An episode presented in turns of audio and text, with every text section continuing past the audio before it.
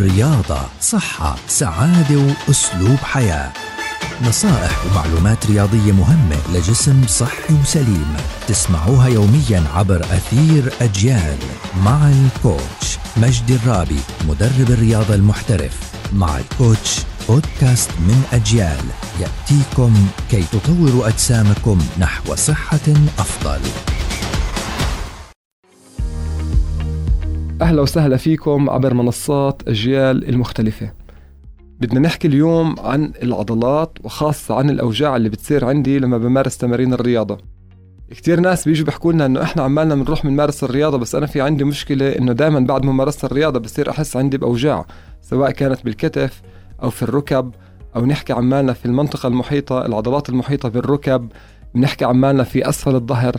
فهي عضلات دائما معرضة إنها يصيبني آلام فيها لما بمارس الرياضة. فالسؤال هون إنه هل هي الرياضة اللي بتعمل هاي الأوجاع ولا الرياضة هي اللي بتشفي من هاي الأوجاع؟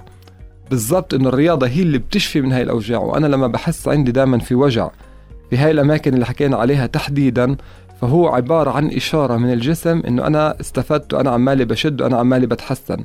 طبعا في أوجاع دائما ممكن أنا أحسها إنها زيادة عندي في جسمي وخاصة اللي بتزيد فترتها عن أسبوع فأنا هون بيكون في عندي في مشكلة لازم أروح أراجع فيها.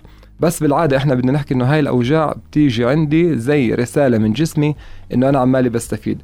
فالرياضة بالضبط أهميتها إنها بتقوي العضلات اللي عندي وبتزيد الصلابة اللي موجودة في هاي العضلات فعشان هيك أنا بحس بهاي الأوجاع. حسينا عنا في أوجاع زيادة بنلجأ دايما لمراجعة الطبيب وبنتأكد إنها أوجاع عادية مش أوجاع زيادة عن المطلوب.